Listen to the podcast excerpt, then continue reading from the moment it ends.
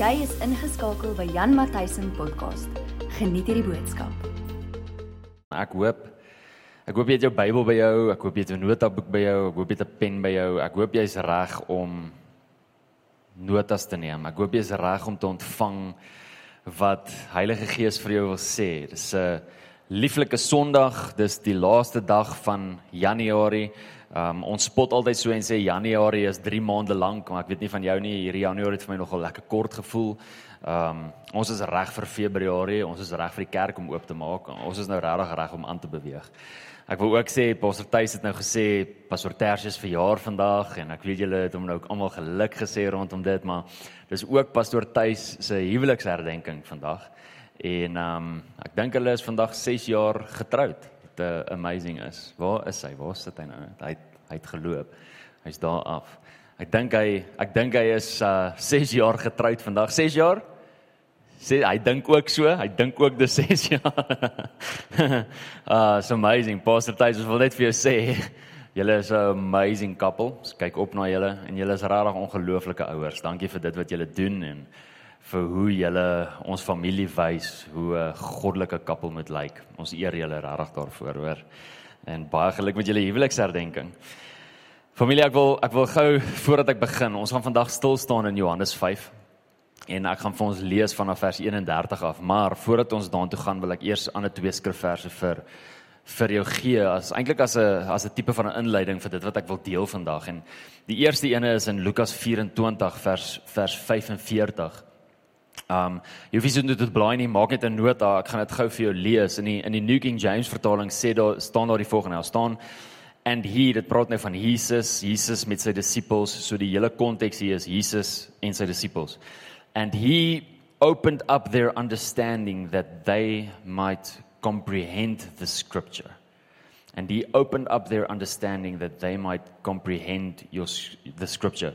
Ek weet nie of jy al ooit hierdie gebed gebid het nie, maar ek wil jou uitnooi wil jou uitnooi om hierdie gebed te bid want dit is so amazing gebed om te kan bid om te sê Here maak my verstand oop sodat ek die skrif kan kan verstaan. Open up my understanding so that I can understand the the scriptures. Dit is eintlik so amazing amazing amazing gebed om te kan bid. En dan in later in 1 Johannes 5 kom Johannes wat een van die disippels was en hy sê die volgende in vers 20 1 Johannes 5 vers 20 sê And we know that the Son of God has come and has given us an understanding that we might know him.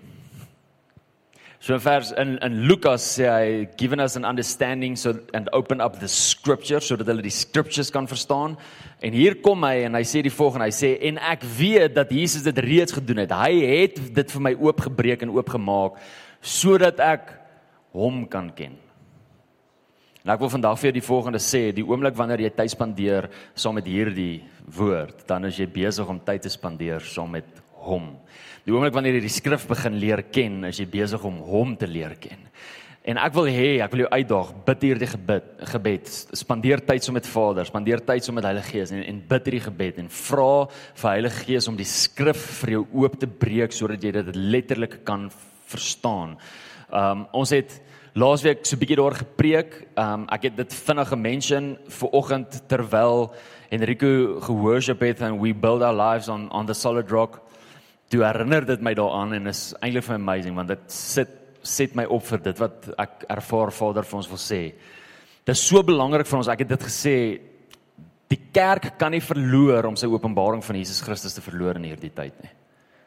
Jy weet o, o, ons is besig om ons oë af te haal van hom af as gevolg van wat oral aangaan in die wêreld. Daar's soveel nuus, daar's soveel inligting, daar's soveel valse nuus, daar's soveel valse inligting, daar's soveel goeters wat gebeur.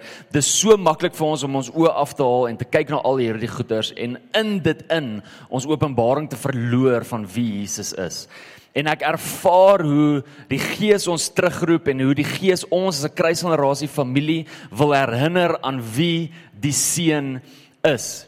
Jy sien ek ervaar so reg oor die wêreld as 'n mens kyk na die kerke en die pastore en die profete en almal is dit so asof daar 'n onderlangse kompetisie is tussen almal om te kyk wie kan die grootste openbaring share in hierdie tyd.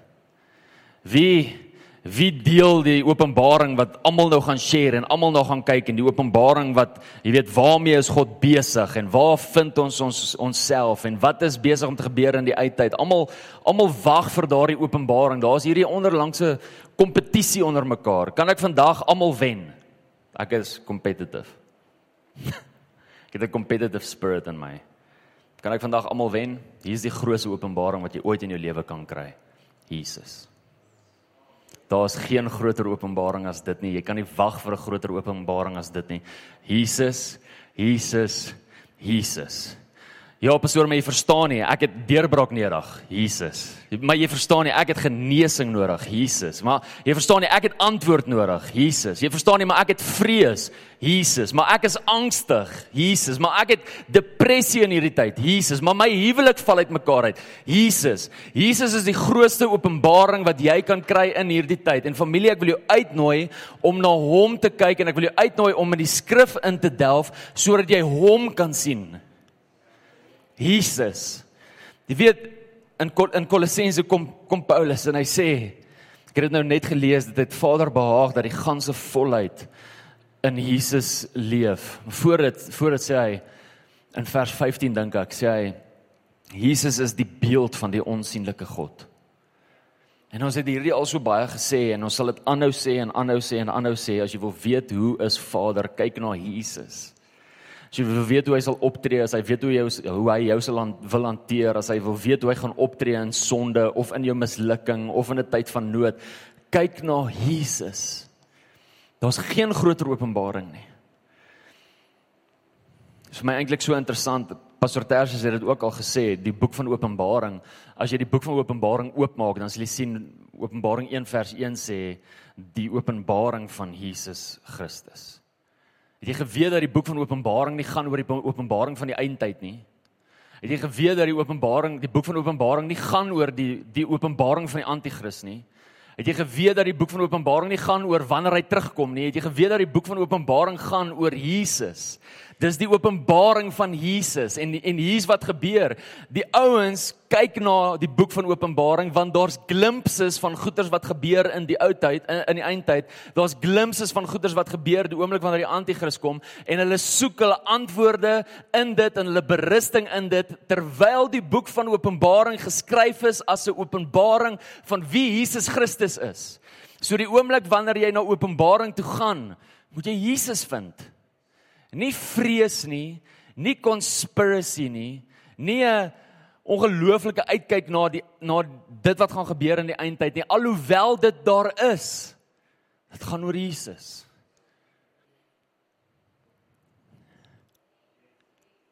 Ons moet pasop dat ons moet pasop dat ons nie so honger is vir waarheid, so honger is vir inligting, so honger is vir vir waar ons is en waartoe ons op pad is en en wat die eindtyd sê en en waar ons is in hierdie seisoen dat ons die skrif in die skrif indelf vir die verkeerde redes nie. Ek wil vandag vir jou sê en ek wil jou uitnooi. Family, ek wil jou uitnooi. Delf in die skrif in nie om te weet moet jy 'n vaksin vat of nie 'n vaksin vat nie. Delf in die skrif in nie om te weet wanneer kom Jesus terug en en wanneer is die eindtyd en wat is die volgende. Delf in die skrif in om Jesus Christus te sien. Kyk, kom ek kyk, kom ek begin preek. Daai was inleiding. Johannes 5. Ek wil hê jy moet soontoe blaai. Ek wil vir jou ek wil vir jou lees in Johannes 5. Ek gaan lees in die in die um 53 vertaling. Ek wil net my New King James ook hier oopmaak by dit.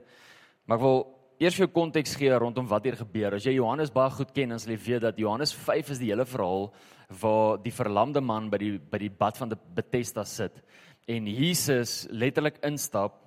Um terwyl hierdie ou 'n encounter met 'n bad soek, kom die strome van lewende water gestap tot by hom en hy het nie meer nodig om 'n bad in te klim nie want die lewende water is by hom en Jesus genees hom. En die oomblik toe Jesus hom genees, toe moes hy sy bed opneem en hy moes loop, maar is die Sabbatdag. En op die Sabbatdag mag jy nie jou bed dra nie. Wat vir my so amazing is, hierdie ou, die Bybel sê hy's vir 38 jaar verlam.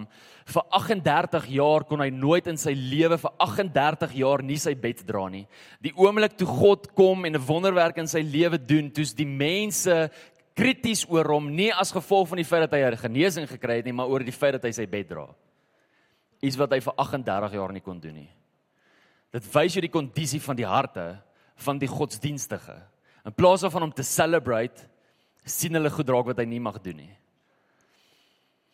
En en hier begin hulle met Jesus beklei. Hulle begin Jesus aanvat oor die feit dat hulle hy nou hierdie ou gesond gemaak het op die Sabbatdag. En dan kom Jesus soos wat ons vir Jesus ken. Het jy geweet dat Jesus nooit 'n sondaar kwaad gemaak het nie? Maar dat hy 'n godsdienstige baie kwaad maak. Gaan kyk bietjie in die skrif. Hy hy maak nie sondaars kwaad nie. Hy maak godsdienstiges kwaad. So ek wil vir jou lees. Um in vers vers 17, ek gaan gou vir jou lees eers in die uh in die New King James. So hulle kom en hulle is kwaad vir hom en hulle sê vir hom, jy weet, hoe durf hy? Wie is hy? Hoe mag hy hierdie op die Sabbatdag doen? En hierdie is wat Jesus vir hulle sê. Hoor wat antwoord Jesus vir hulle. Hy sê, "My Father has been working until now and so have I." Dis wat hy vir hulle sê. so hy sê vir hulle, luister julle is so erg op die Sabbatdag, maar het jy geweet dat God nog nie een keer ophou werk het nie? En ook nie ek nie. OK, maar ek gaan nou nie in dit ingaan en 'n hele teaching bring oor die Sabbatdag nie. Ons sal dit los vir ons slim pastoor, pastoor Tertius. Hy sal daai goeders doen. Wat wat ek vir jou wil opwys hier is die volgende dat die die Jode aanstoot neem weer nie as gevolg van die feit dat hy oor die Sabbatdag praat nie, maar as gevolg van die feit dat hy homself God se seun noem. My Father. Hy noem homself God se seun en hulle sê die woord sê en hulle het verder aanstoot geneem in hom want hy maak homself gelyk met God. En dan kom Jesus in vers 31 en dit is waar ek waar ek wil begin. Hy sê hy sê as ek van myself getuig is my getuienis nie waar nie. Dit is vir my so 'n amazing stelling wat Jesus Jesus hier maak.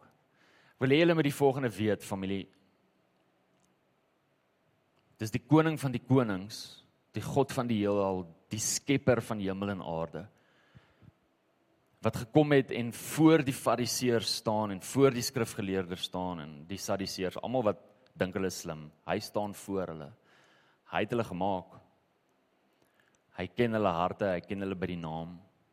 Hy het die skrif ingegee wat hulle oor so rand dat hulle dit so goed ken. En binne in sy hart Ek wonder wat moes ons koning ervaar dat binne in sy hart dat hierdie ouens wat wat sê dat hulle die skrif so goed ken. Onthou nou Lukas 24, nê? Dat Jesus die disippels se verstand oopgemaak het sodat hulle die skrif kan ken. Hier is hierdie ouens wat die skrif ken, maar hulle ken nie vir Jesus nie. En Jesus kom en hy en hy weet die volgende, hy weet dat in die wet wat hy ingegee het, staan daar dat op die woord van een getuienis 'n saak nie kan staan nie maar dat 'n mens 2 of 3 ten minste getuienisse nodig het. Jesus weet hierdie, hoe weet hy dit? Hy het dit ingegee. En en hy kom actually Paulus kom en Paulus quote dit actually in in in uh 2 Korintiërs 13 vers 1. Daar staan die volgende, ek gaan vir jou lees. Daar staan in die mond van 2 of 3 getuienisse sal elke woord vas staan. So hier kom Jesus en hy verstaan wat die skrif sê, hy verstaan wat die wet sê en hy antwoord hulle op die volgende terwyl hulle hom aanvat oor die feit dat hy sê hy is die seun van God en dat hy sê God is sy Vader. Sê hy die volgende: Ek kan nie van myself getuig nie. Want hy's net een getuienis. Maar dan kom hy en hy doen 'n amazing ding. Hy gee vir hulle vier getuienisse. En ek ek wil dit gou met ons deurgaan, maar ek ek wil ek wil ons familie uitnooi oor die volgende. Ek het ek het die stelling gemaak in die begin. O, ons kan nie bekostig om ons openbaring van Jesus te verloor in hierdie tyd nie. En ek weet, ek weet daar's klomp goeders wat 'n rol speel en ek weet daar's klomp goeders wat maak dit 'n mens dalk twyfel aan. En die laaste ding wat ek wil hê is dat die skrif een van die redes is hoekom mense twyfel. Um maar ek wil jou uitnooi. Hier's hier's vier goed en dan gaan ek nou-nou oorgaan na 1 Johannes 5 toe waar daar nog goeters is wat getuig van wie Jesus is en laat toe dat hierdie goed in jou hart ook getuig. Laat laat toe dat daar sekere goed in jou lewe is wat getuig van van wie God is, wat getuig van wie Jesus is, sodat jy nie 'n openbaring van Jesus kan verloor nie. Ek het hierdie ook al gesê lank terug, many moons ago. Het ek gesê jou jou geloof sal net so groot of so sterk wees soos jou openbaring van God. En baie mense vra my, maar hoe kry ek my geloof sterker? Hoe hoe kry ek myself op 'n plek waar ek weet as ek vir hierdie persoon bid wat siek is dat God iets gaan gaan doen. Hoe kry ek my geloof so sterk om dit te kan weet? En hier's die antwoord. Jesus. Hoe groter jou openbaring van hom is, hoe sterker is jou geloof. As jy weet wie hy is, as jy weet wat hy kan doen, as jy weet tot wat hy in staat is, dan is jou geloof ook outomaties daar, want jy weet wie hy is. En Jesus kom in vers 32 en tot 33 en hy lees die volgende. Hier is die eerste ding wat getuig van wie Jesus is. Hy sê daar is 'n ander een wat van my getuig. En ek weet dat die getuienis wat hy van my getuig waar is. Julle het na Johannes gestuur en hy het vir die waarheid waarheid getuig. Johannes die Doper, Jesus sê vir hulle, Johannes die Doper is een van die getuienisse wat vir my getuig. Wat vir my amazing is, ek ek dink julle het al, ek onthou, weet nie of julle kan onthou nie, maar ek onthou, want ek het dit gepreek so bietjie gesels oor Johannes en so bietjie backdown backbone gegee van wie Johannes is en sy hele verhaal en en waardeur hy moes gaan en seker goeders waardeur hy moes moes worstel en en ek het gesê ek het ek haal my hoed vir Johannes af as gevolg van die feit dat Johannes nooit toegelaat het dat familiariteit sy sy openbaring steel van wie Jesus is nie. Want julle weet Johannes die Doper was Johannes se nie ag Jesus se neefie. En Johannes die Doper was 6 maande ouer as Jesus gewees. En nou kom die gees van God en die gees van God sê vir Johannes die volgende. Hy sê vir Johannes, Johannes, ek gaan vir jou openbaar wie die lam van God is. Ek gaan vir jou openbaar, ek gaan vir jou wys wie die redder is, wie die Messias is, wie die Christus is. En die oomblik toe Jesus afstap, gaan lees Johannes 1, wys Johannes na Jesus toe en hy verklaar, daar is die lam van God wat die sondes van die wêreld wegvat. En dan sê hy, ek het hom nie geken nie. Maar hoe ek weet is dat die Gees my geopenbaar het dat wie waar die Gees ook al opval en op daai persoon rus, hy is die redder, hy is die Messias. Die woorde daarvoor, ek het hom nie geken nie, is is die volgende, dit was nie aan my geopenbaar nie. Want Johannes het vir Jesus goed geken. Johannes, Jesus en Johannes is neefies. En dink hoe moet dit wees om vir 30 jaar saam met jou neefie te wees en jy weet nie hierdie is die Messias. Sekerlik moes Johannes iets optel, sekerlik moes Johannes gekyk het na Jesus se karakter en sekere goeders wat Jesus doen en hoe Jesus optree en en goeders waardeur Jesus gegaan het.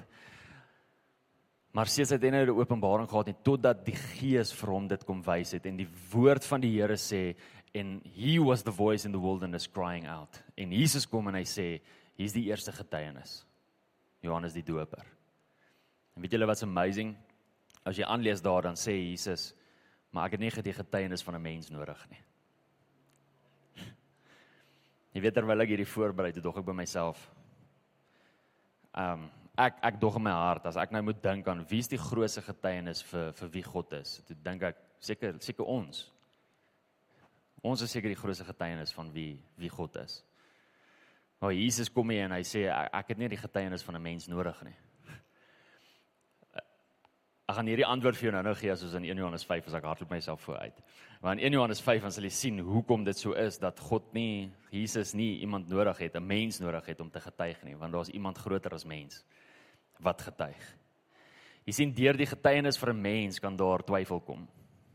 Deur deur die getuienis van 'n mens kan daar kan daar altyd ge, geredeneer word, gestry word. Um Maar as as daar iets is, ek gaan myself nou baie ver ver vooruit, maar as daar iets is wat groter is as die mens wat die mens gemaak het en daai iets wat ons noem God het 'n getuienis.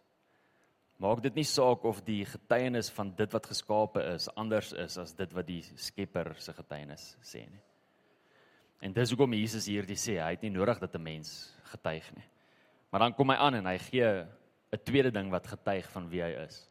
Vers 36 sê: "Maar ek het 'n groter getuienis as die van Johannes, want die werke wat die Vader my gegee het om te volbring, die werke self wat ek doen, getuig van my dat die Vader my gestuur het." Jesus se se vrug op sy bediening, Jesus se werke, die feit dat die Gees op hom rus en hy dooies opwek en malaatses gesond maak en blindes laat sien en dowes laat hoor en you name it, duiwels uitdryf, die feit dat Jesus met dit alles besig is. As jy gaan kyk in Handelinge 10 vers 38, dan sien jy dat dit die Vader is wat hom gesalf het met die Heilige Gees en hom bekragtig het om al hierdie werke te doen. En dis juis wat Jesus kom hier en hier sê, hy sê sekerlik moet julle besef dat ek nie hierdie kan doen nie, maar dat die Vader dit deur my doen. En as gevolg daarvan moet daar getuienis wees van wie ek is. Kyk na my werke. Daar is getuienis. Ek glo die uh die oortuiging wat Pastor Tuis dra. Jy weet Pastor Pastor Tuis het 'n amazing oortuiging binne sy hart dat ons moet vas staan as familie en die getuienisse moet moet moet deel met mekaar en en onsself sal herinner aan aan dit wat God gesê het. Juis as gevolg van dit wat staan in Openbaring 19 vers 10. En familie, julle weet, kan ek jou herinner aan ons getuienismuur? Kan ek jou herinner aan al daai getuieniskaartjies wat daar hang? Kan ek jou herinner aan alles wat God al daar gedoen het? Spreek al daai goed nie van wie Jesus is nie. Ek wil vir jou sê, daai spreek nie van wie kruisgenerasie is nie. Daai spreek nie van wie ek is nie. Daai spreek ook nie van enigiets wat ons kan doen as mens nie, want daai goed is ver bo enigiets wat ons in ons eie vermoë kan doen. Daai gespreek alles van wie Jesus is. En hier is die tweede getuienis, sy werke. Dis 'n getuienis. En dan kom Jesus en hy sê die volgende, hy sê in vers 37 tot 38 sê hy en die Vader wat my gestuur het, hy het van my getuig. Julle het nog nooit sy stem gehoor of sy gedaante gesien nie. Sjoe, ek gaan hierdie nou verduidelik. En julle het sy woord nie as iets blywends in julle nie, omdat julle hom wat hy gestuur het nie glo nie. Yes, hoe hoe weet jy dat die skrif wat hulle in hulle hart dra, die skrif wat hulle in hulle kop ken is, is eintlik dood is? Jesus sê hier omdat hulle hom nie herken nie. As as jy as jy skrifkennis het, maar jy herken nie Jesus nie, dan is hierdie skrifkennis dood in jou hart. Dit is presies wat Jesus hier sê vir vir die skrifgeleerdes. Maar hoor wat sê hy sê en die Vader wat my gestuur het, hy het van my getuig. Nou nou as ons in 1 Johannes lees, dan sal jy sien dat Vader nog steeds getuig. Maar hier praat hy van iets wat spesifieks wat gebeur het. Onthou julle in Matteus 3 toe Jesus gedoop was? Het nou net van Johannes die Doper gepraat. Maar onthou julle toe hy gedoop was en hy uit die water uitkom en die duif neersak op hom en daar 'n stem uit die hemel uitroep wat sê hierdie is my geliefde seun en wie ek 'n groot welbehae het. Daar het God letterlik kom getuig dat Jesus sy seun is. Want hy het self gesê, hierdie is my geliefde seun.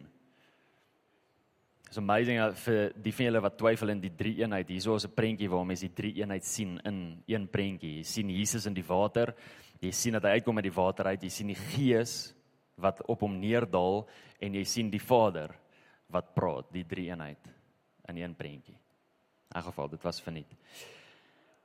Maar wat vir my amazing is hier is dat Jesus vir hulle die volgende sê. Hy sê vir hulle: "Julle het nog nooit sy stem gehoor of sy gedaante gesien nie." Nou ons kan die, ons kan hier twee konklusies maak. Die eerste konklusie wat ons kan maak is die volgende dat dat hierdie skrifgeleerders nie by die water was toe God se stem gekom het en gesê het hierdie is my geliefde seun nie. Dis die eerste konklusie wat ons kan maak. Of die tweede konklusie wat ons kan maak is om te gaan kyk na wat sê die Grieks hier. En die Grieks sê as jy kyk na die woord in Engels praat hy van heard as jy die die woord gehoor. Jy het nog nooit sy stem gehoor. As jy kyk na daai Griekse woord oikoia, dan beteken dit verstaan. So hierdie is wat Jesus vir hulle sê. Julle wat so in die skrif is, julle wat julle wat verklaar dat julle God ken, julle het hom nog nooit verstaan nie. Weet jy wat 'n aantuiging moet bid moet dit wees vir ouens wie se lewe dit is om die skrif te verstaan. Dat die een wat die skrif ingegee het en die letterlike manifestasie van die skrif voor hulle staan en sê julle ken nie die skrif nie. Hoe kon Jesus dit sê? Soos wat ek dit nou net gesê het, want die manifestasie van dit wat hulle moes leer staan voor hulle en hulle herken hom nog steeds nie. Daarom ken hulle nie die skrif nie. Familie, die skrif is 'n uitnodiging na Jesus toe. As jy die skrif lees en jy sien nie vir Jesus nie, dan mis jy die skrif. Van Ou Testament af reg deur tot en met Nuwe Testament is dit 'n uitnodiging na Jesus toe. Jy sien vir Jesus al in Genesis 1. So dis heeltyd 'n uitnodiging. Moet dit nie mis nie. Dan die vierde ding waarvan Jesus hier praat wat getuig van hom is, is die volgende vers 38 vers 39 sê en en julle het sy woord nie as iets blywends in julle nie omdat julle hom wat hy gestuur het nie glo nie. Julle ondersoek die skrifte omdat julle meen dat julle daarin die ewige lewe het en dit is die wat van my getuig. Hy sê julle ondersoek die skrifte, julle julle bestudeer dit, julle spandeer tyd daarin want want julle dink dat dit is waar die ewige lewe lewe is en hier staan die ewige lewe voor hulle, die manifestasie van dit wat hulle letterlik leer en hy sê, "Hallo, dit wat julle lees, getuig van my en hier staan ek voor jou en nog steeds mis jy my." Hoe is dit moontlik om tyd te spandeer binne in hierdie woord en nog steeds Jesus te mis? Ek wil vandag vir jou sê, familie, dit is nie net skrifgeleerdes nie, dit gebeur vandag nog. Dit gebeur vandag nog dat mense hierdie skrif lees en Jesus mis. En kyk hoe tree Jesus op. Jesus probeer hulle herinner. Hy probeer vir hulle getuienisse gee. Hy probeer hulle oë oopmaak om vir hulle te wys, luister hier, come on, dit praat van my. Hier is ek voor julle. Hier's profeseë, hier's stories, hier's alles wat oplei na my toe. Julle almal verwag 'n redder. Julle almal verwag 'n Messias. Julle almal verwag iemand wat kom verlos en 'n nuwe koning. Hier staan ek en steeds mis julle my. Die kerk kan nie ver, kan nie nou bekostig dat ons op so 'n plek is waar ons dink, "O, oh, waar is ons redder en waar is ons deurbraak en waar is die een wat vir ons al hierdie verlossing gaan bring?" Terwyl hy reeds gesê het, niks wat teen die kerk kom sal kan seëvier nie. Hy is reeds daar. Hy's reeds ons openbaring, hy's reeds ons oorwinning. Ons kan nie bekostig in hierdie season om hom te mis nie kyk na hom. Familie kyk na hom. Ek sit nou ja gaan dink ek julle weet ek's 'n praktiese mens. So ek sit en dink heeltyd by myself. Ons het nogal die laaste 2 jaar nogal baie die woorde gesê kyk vir Jesus, kyk na hom, kyk vir sy hart, kyk na hom, kyk kyk kyk kyk. En toe wonder ek by myself ek, ek wonder of ons familie weet hoe dit hoe om te kyk. Jy sien wat as ons die fout maak om te dink dat ons nou eweslik met ons fisiese oë iets moet sien, dan verstaan jy nie die konsep van kyk nie. Ek, ek sal dit pastoor Tersius daar preek. Hy vir ons verduidelik hoe om te kyk. Ek los alles vir die slim pastoor. Jy sien Ek wil hê ons moet gou gaan na 1 Johannes 5 toe. En ehm um, in 1 Johannes 5 wil ek ek wil graag uit die New King James uitlees. Ek ek hou van wat die vertaling en hoe die vertaling dit hier uitbeeld. Familie, ek, ek dink ons is nou oor die die dwaalleer van daar is nie 'n drie eenheid nie en dit bestaan nie en God is nie drie nie, God is een. Ek ek dink ons is nou oor dit nê. En ek dink ons as 'n familie weet dat God drie is, maar dat hy ook een is, dat hy Vader is, maar dat hy ook die Seun is en die Gees is. En ek dink ons verstaan die drie eenheid. Um so ek wil nie te veel in dit ingaan nie alhoewel 1 Johannes 5 vers 7 vir ons een van die grootste skrifgedeeltes is van van die drie eenheid. Maar gaan my gou dat ek hier lees en soos wat ek lees dan dan sal ek so klein bietjie verduidelik. Johannes kom hier en hierdie is Johannes die geliefde wat ook die boek van Johannes geskryf het. Hy skryf nou 1 Johannes in. Hy sê die volgende, hy sê for for the, there are three that bear witness in heaven. Okay, so So Jesus praat hier met die Fariseërs terug na Johannes 5 toe. Hy praat met die Fariseërs en hy sê vir hulle: "Maar hoe mis julle my? Hier's dan vier goeters wat van my van my getuig." En nou kom ons en en Johannes skryf verder. Hy skryf die boek en en hy kom en hy herinner sy lesers en hy sê vir hulle: "Luister, in die hemel is daar ook drie goeters wat getuig van wie Jesus is." En dit is die volgende. Hy sê: "The Father, God, getuig vandag nog van Jesus." die woord wat ewig is en wat self Jesus is en die Heilige Gees. En dan sê hy and these three are one. En dan gaan hy aan in vers 8 en hy sê and there are three that bear witness on earth. Sê hy nou kom hy terug en nou gee hy nog goed wat op die aarde getuig van wie Jesus is. Ek wil dit gou vir julle lees. And there are three that bear witness on earth, the spirit, the water and the blood. And these three agree as one. Die gees, die water, die bloed. Wil jy moet hierdie weet, die gees, die water, die bloed getuig van wie Jesus is. Die gees, die water, die bloed.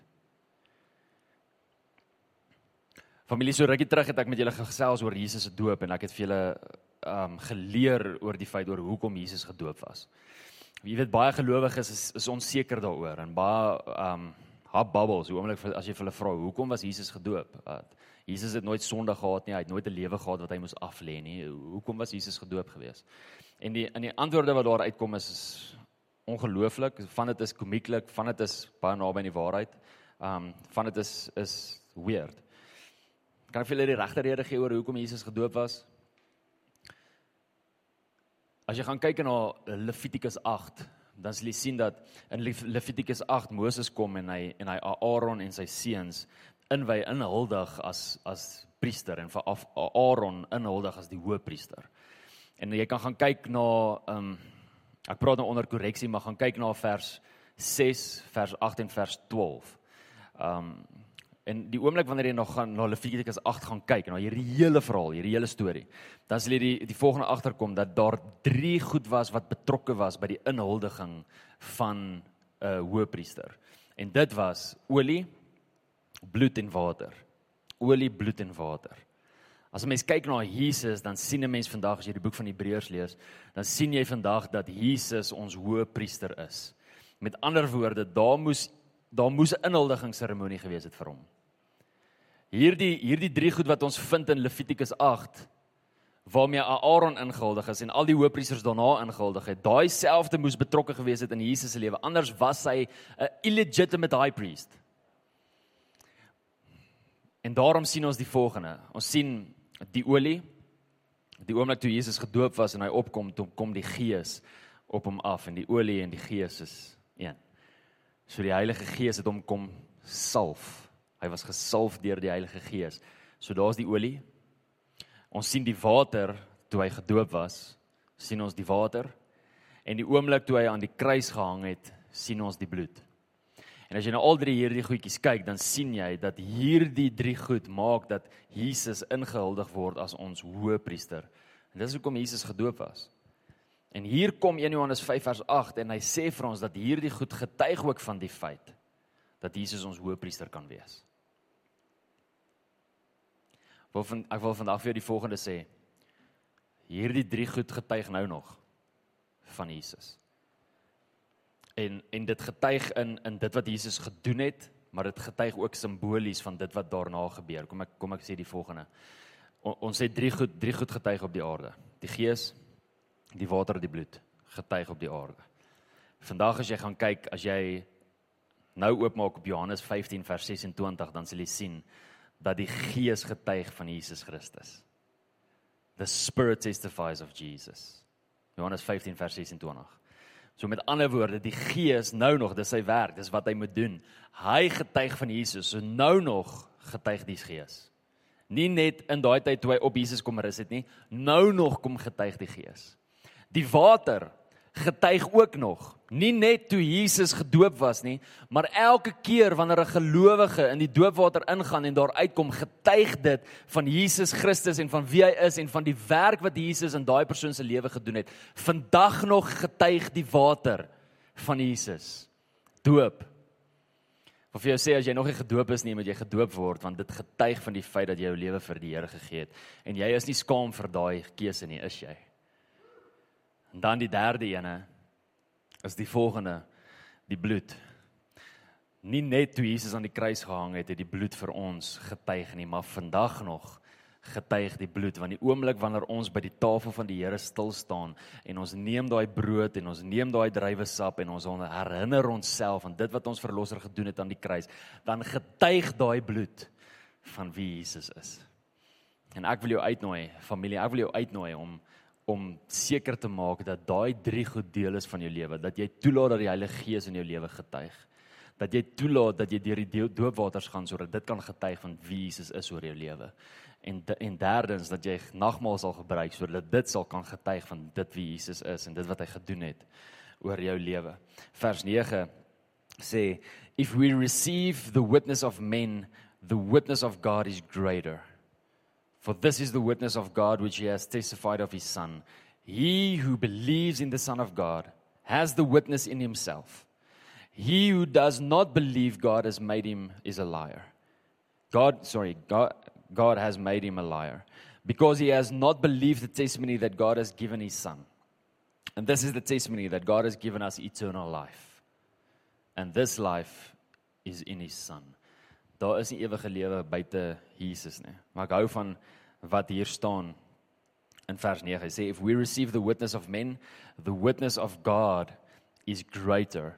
Ek het hierdie nou-nou so vinnig gesê gesê dis dis onmoontlik om te verwag dat 'n getuienis van mens groter sal wees as die getuienis van dit wat mens geskaap het. Die getuienis van van van God wat mens geskaap het is altyd groter as die getuienis van die mens. Hoekom sê ons so? Want dit maak nie saak wat jou getuienis is nie, dit verander nie God nie. Jy sien ons kan praat van 'n negatiewe getuienis ook. Ons kan praat van 'n negatiewe ervaring ook. Ons kan praat van 'n negatiewe ding daar waardeur ons gegaan het. En ek wil vandag vir jou sê dat niks wat jy kan getuig, negatief, sleg, niks wat jy kan getuig verander wie God is nie. Want daar's 'n groter getuienis. En selfs andersom, andersom ook, selfs al kom jy en jy getuig die goeie en en al die deurbraak en al die genesing en al die goeders, is daar steeds 'n groter getuienis. God, want die een wat geskaap het, se getuienis is altyd groter as die een wat hy gemaak het, die geskaap het. Die Skepper se getuienis is groter as die een wat geskaap is. Ek wil vandag ek wil net hierdie twee, hierdie hierdie paar gedagtes by jou los. Die eerste ding is ons dink baie keer dat as ek nie getuig nie, ehm um, dat dit dat dit dat daai persoon verlore is, dat dat ek die laaste hoop is vir vir 'n persoon. En hoor my mooi, ek wil ons nie self vrywaar van evangelisasie of disippelskap nie. Hoor asseblief my hart. Dis super belangrik en ons moet die mense vertel van die Here. Maar ek wil hê jy moet weet dat daar 'n getuienis is wat groter is as jou getuienis. En ek wil hê jy moet die volgende ook weet. Het jy geweet daar's nie daar's nie een ateës in die hel nie laat, laat ek dit verduidelik want dit klink of ek sê hulle is almal in die hemel. Dis onmoontlik. Jy kry net, kom ek sê dit eerder so.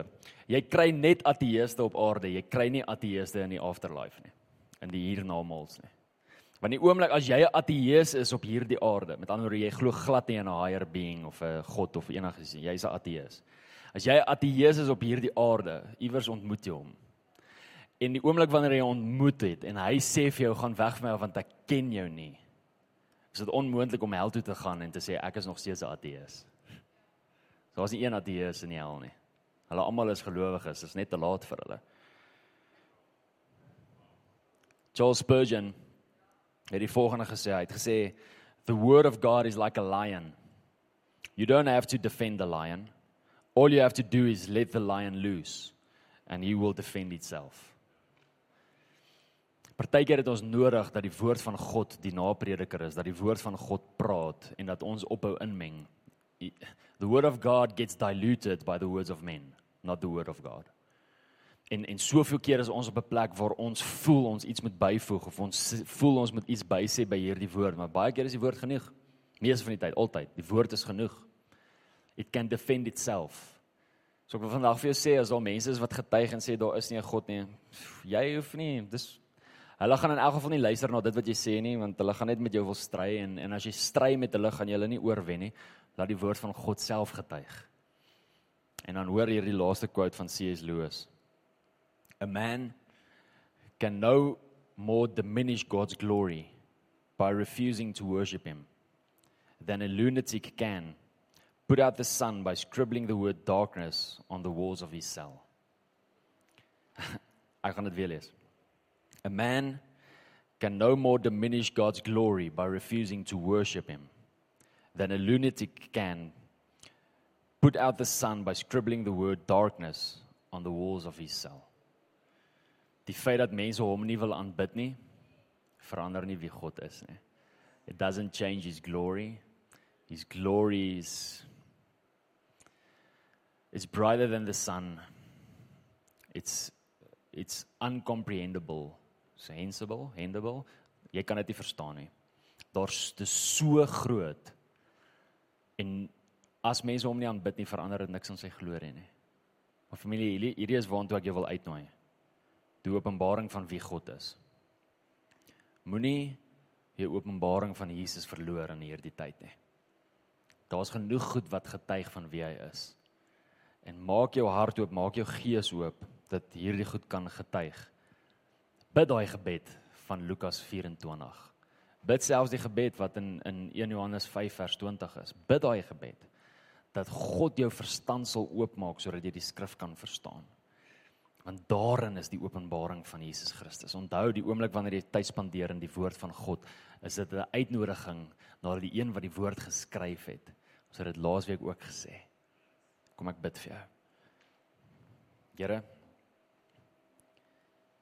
Hoe groot is u woord, Here?